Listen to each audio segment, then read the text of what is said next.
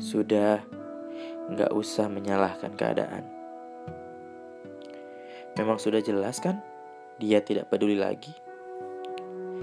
Cukup menata hati di hari esok agar pulih kembali.